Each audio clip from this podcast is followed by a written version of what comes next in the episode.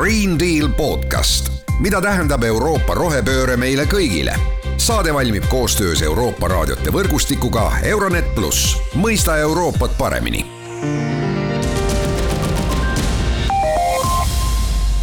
mina, saatejuht Mart Valner, minuga koos on nüüd ühinenud äh, Stockholmi Keskkonnainstituudi äh, vanemteadur Harri Moora äh,, teemaks siis jäätmed, plastijäätmed eelkõige ja, ja kõik, mis meie ümber toimub, Harri, kõigepealt äh, tere päevast! tervist!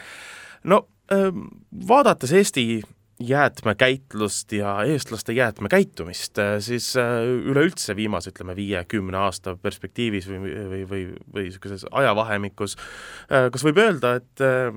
ma ei tea, kas eestlased on kuidagi, kas kogu see sorteerimine ja taaskasutamine ja ja ülepakendamise vältimine ja nii edasi, et ehk siis kas eestlased on head jäätmekäitlejad? jah, see on hea küsimus,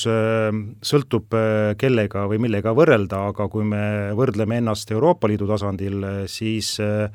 siis viimased andmed näitavad, et meie, kui me räägime nüüd olmejäätmetest ja olmejäätmete ringlussevõtust, mis on äh, ju väga oluline Euroopa Liidu tasandil eraldi eesmärk, äh, aastaks kaks tuhat kakskümmend me pidime olmejäätmetest viiskümmend protsenti ringlusse suunama, siis sellest äh, eesmärgist me oleme küllaltki kaugel, et, et sellises äh, üldimises plaanis võib öelda, et kuskil kolmkümmend protsenti olmejäätmet me suudame ringlusse suunata, et see on väga kaugel sellest eesmärgist, mis on seatud ja, ja tegelikult Euroopa Liidu vastav eesmärk ütleb, et aastal kaks tuhat kakskümmend viis me peame viiskümmend viis protsenti juba seda Eh, ringlussevõttu eh, saavutama ja, ja, ja, ja meie viimased uuringud, mis me oleme siin teinud, näiteks eh, olmejäätmete sortimisuuringud üle, üleriigilisel tasandil, ka nende tulemused on näidanud, et, et kuskil kümne aasta jooksul suurt edasiminekut meil kahjuks selles valdkonnas ei ole olnud. jah, hea on see, et inimesed on seda nüüd viimase paari aasta jooksul väga selgesti teadvustanud, selge mure on inimestel ja ma la-, väga loodan, et selle põhjal nüüd äh, hakkab see süsteem ka kiiresti edasi arenema, sest äh, nagu ma enne ütlesin, need Euroopa Liidu eesmärgid on meil ees ja, ja need, need me peame täitma. ja, ja muidugi, kui me räägime ringlussevõtust üldisemalt, siis kui me tahame jätkusuutlikult toimetada, siis jäätmete ringlussevõtt, vältimine, ülepakendamine, need on kõik need teemad, mis väga hästi sobituvad sellise rohepöörde teemaga ka, nii et siin meil ei ole väga palju aega, et, et kiiremas korras äh, energiliselt edasi liikuda mm. -hmm. jah, sest et äh, võib-olla peab ikkagi enda jaoks ka selgeks mõtlema natuke selle aluspunkti või põhimõtte, et äh, me ju ei tee seda sellepärast, et äh, vastata mingisugustele Euroopa Liidu nõuetele, vaid need nõuded on sellepärast pandud, et, et me nüüd vaatame reaalselt ringi, et keskkond meie ümber võiks ju paremaks minna ja jätkusuutlikumaks ja ja, ja täpselt selle rohepöördega haakuda, eks ole, et ma olen sellega nõus, aga teisest küljest mulle on tundunud, et jube hea, et Eesti on Euroopa Liidus. E, jube hea, et Euroopa Liidust tulevad sellised küllaltki karmid eesmärgid. Eestlased või ütleme, Eesti on ka varem näidanud, et kui asjad muutuvad kriitiliseks, kui sul on mingisugune nii-öelda vits kuskil varnas, siis hakkame tegutsema, et Euroopa Liidu need eesmärgid on, ma arvan, kõikidel tasandil heaks motivatsiooniks ikkagi toimetama hakata, aga muidugi hea meel on see, et ka ühiskond laiemalt on täna hoomanud, et jah, eesmärgid eesmärkideks, aga see on tegelikult meie kogu sellise jätkusuutliku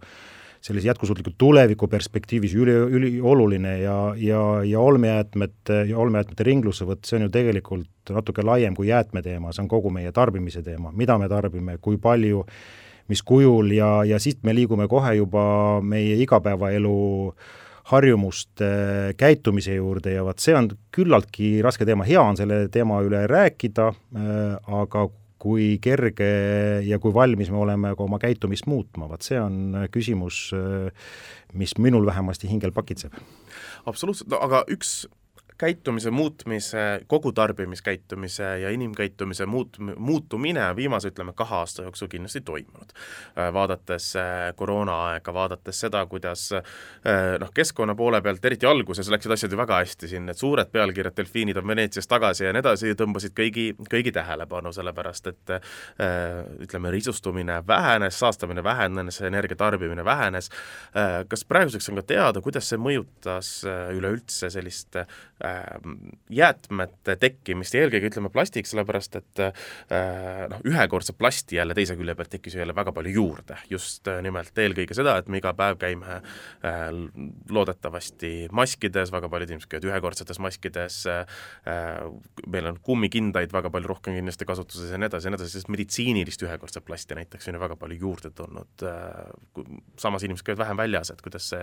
kuidas see seis praegu on? jah, et tegelikult äh, muidugi täpsemad statistilised andmed veel ei ole, sest see on väikese viibega, jõuab äh, meieni, aga, aga kõik äh, sellised pistelised uuringud on näidanud, et Covidi ajal on just seesama olmejäätmete kogus, eelkõige seal siis selline ühekorra pakend ja eelkõige plastpakend ja ka muud sellised materjalid, tooted on järsult et nende tarbimine on suurenenud ja, ja vastavalt ka jäätmekogused. Ja no siin on mitmeid erinevaid põhjuseid, võib tunduda tõesti, et ega me ju ei käi nii palju väljas, et me võib-olla nii palju ei tarbi, no tegelikkus on teine, tegelikkuses äh, niisugune üldise tarbimise, kui me räägime toidu ja, ja ka üldiste nii-öelda tööstuskaupade tarbimist, äh, siis ega Eestis Statistikaameti andmed näitavad, et äh, sellist vähenemist negatiivseks ei muutunud, et mõnevõrra see kasv on pidurdunud, aga see on ikkagi jätkunud ja, ja, ja kui me räägime näiteks toidu tarbimise harjumusest, me ju kõik teame, eks ju, eks Boltid ja Woltid, ma kujutan ette, väga paljudel raadiokuulajatel käivad üle päeva, võib-olla isegi tihedamalt ukse taga, kõik on ju see pakendatud. ma kujutan ette, et kõik te olete vähemasti seda kuidagi üritanud korvata oma nii-öelda kodus istumist äh, ostmistega, ostmistega näiteks äh, e-kaubanduse või posti teel, ka sealt äh, pakendikogused ju suurenevad. ja, ja, ja erinevad nii-öelda tarbimise harjumuse uuringud on näidanud, et, et jah, võib karta, et isegi peale Covidit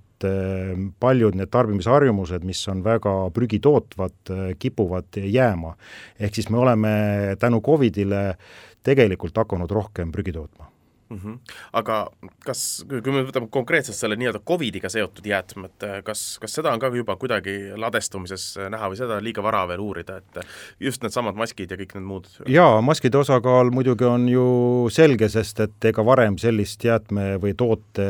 või ütleme, jäätmevoogu ei olnud mm, -hmm. kaaluliselt see ei ole väga suur, pigem panustavad sellised maskid ja muu äh, kraam äh, ka prügistamisse, eks ju, et nüüd on hea vaadata, kui lumi ära sulab, äh, mis meie ümber toimub, et, et, et seda, seda prügi on palju, maskide osakaal nagu mahuliselt või kaaluliselt ei ole väga suur ja ma loodan väga, et, et maskid on selline nii-öelda kaup või tar-, ese, esemed, mida me ei pea pikalt tarbima. minu suurem mure on ikkagi see pakendamine, ülepakendamine ja kõik sinna juurde kuuluv, mis läbi nende uute tarbimisharjumuste, mis me oleme endas lasknud juurduda, hakkavad tekitama, seal on plasti, ühe korra plasti kogused väga selgesti näitavad, et need suurenevad, suurenevad ja, ja, ja ma väga loodan, et, et, et nüüd on võimalus ka uuesti äh, sellele tarbimisele pilk peale heita. Ja tegelikult see ei ole ainult tarbijate teema, see on tegelikult kõikide osapoolte, ka need, kes meil neid teenuseid, tooteid äh, ju pakuvad, ka nemad peaksid väga kriitiliselt nüüd üle vaatama, et, et kuidas me saaksime nüüd nii-öelda normaalolukorda tagasi liikuda. Aga kuidas me siis saame, noh, me võtame ühe, ühe külje, eks ole, et meil on äh, Eestis näiteks idufirmad äh,, Voola äh, toodab äh, lambavillas seda pakendi pakendiase, eks ole, et sul ei ole vaja mullikile ja ja, ja, ja plasti nii palju kasutada, kindlasti üle maailma on teisi samasuguseid asju. meil on äh, ringmajandusse edasi liikudes äh, noh, nii-öelda ringmajanduse kõige elementaarsem teadvustus inimeste jaoks on, eks ole, igasugused taaskasutatavad plastnõud, millega sa saad oma toitu tellida või, või, või osta nagu mitu korda, vahepeal pesed puhtaks või annad kuhugi masinasse tagasi, saad endale nii-öelda pandipakendina raha, eks ole, et kas need on need lahendused, kuidas edasi liikuda või, või, või, või me peaksime ikkagi äh, kardinaalselt oma käitumist muutma hakkama? Korduskasutatavate pakendite, eelkõige plastkarpide kasutamine eh, võib põhjustada väga olulist eh, nii-öelda süsiniku jalajälge, ehk siis eh, no te võite ise ette kujutada, mida tähendab siis sellise korduskasutatava plastkarbi kokkukogumise süsteem, see, ise te võite ka proovida, mida tähendab, kui on olnud näiteks plastkarbis toit Äh, kaks-kolm päeva ja, ja proovige seda siis puhtaks saada, see eeldab tohutut energiat äh, pesemiseks, puhastamiseks ja logistikaks, siin on terve rida uuringuid viimasel aastal äh, läbi viidud, viimasel ajal läbi viidud Euroopa Komisjoni poolt tellituna, aga liikmesriikide poolt just sellesama ühekorra plastide direktiivi ülevõtmise raames ja, ja see on ikkagi näidanud, et et korduskasutuskarbid, pakendid töötavad, aga teatud juhtudel, et sellist massiivset üleminekut pigem ei, ei soovitata, kuna see võib väga oluliselt negatiivset keskkonnamõju tuua. ja kindlasti me peame siin rääkima ainult plastpakendist, mitte nagu kogu pakendi massist, mida me Eestis ju kipume täna rääkima plasti asemel kõikidest pakenditest, et siin, need on, need on olulised aspektid. aga kindlasti nendega tuleb tegeleda, nendel on jumet ja väljavaadet, näiteks sellistes restoranisüsteemides, kus sa toitu kaasa ostad, topsimajandus, kõik see topsimajandus, seal on väga lihtne sellise korduskasutustopside sisseviimine. seal on palju võimalusi ja, ja, ja, ja hea meel on tõdeda, et Eestis on terve rida initsiatiive, kes neid süsteeme arendavad ja, ja selles suhtes äh, on sellel kindlasti äh, suur võimalus, aga pro-, põhiprobleem on selles, et, et see pakendimass, see tarbimine suureneb pidevalt ja, ja läbi selle ka see pakend, tahame me või ei taha, tänasel päeval äh, me oleme harjunud pakendatud kaupa tarbima, väga vähesed meist on valmis tagasi minema sinna aega, kus sulle näiteks äh, kala poes äh, pandi ajalehepaberisse ja, ja, ja näiteks äh, leiva võtsid ilma pakendita kaasa, aga me peame ikkagi väga oluliselt sinnapoole tagasi liikuma, see on ainuke võimalus, ehk siis sellist üldist pakendi tarbimist äh, vähendama selle suureneva tarbimise taustal, see on kõige olulisem. ja sinna juurde need siis erinevad innovaatilised ringsed lahendused muidugi teiselt poolt, aga tarbimine ja meie käitumine on kõige olulisem. aga vaatan, et meil hakkab vaikselt aeg otsa saama, väga põnev on seda plasti ja, ja jäätmeteemat rääkida, kindlasti saame sellest jälle mõni saade pikemalt teha, aitäh täna tulemast, Harri Moore! suur tänu! Green Deal podcast, mida tähendab Euroopa rohepööre meile kõigile? saade valmib koostöös Euroopa raadiote võrgustikuga Euronet pluss, mõista Euroopat paremini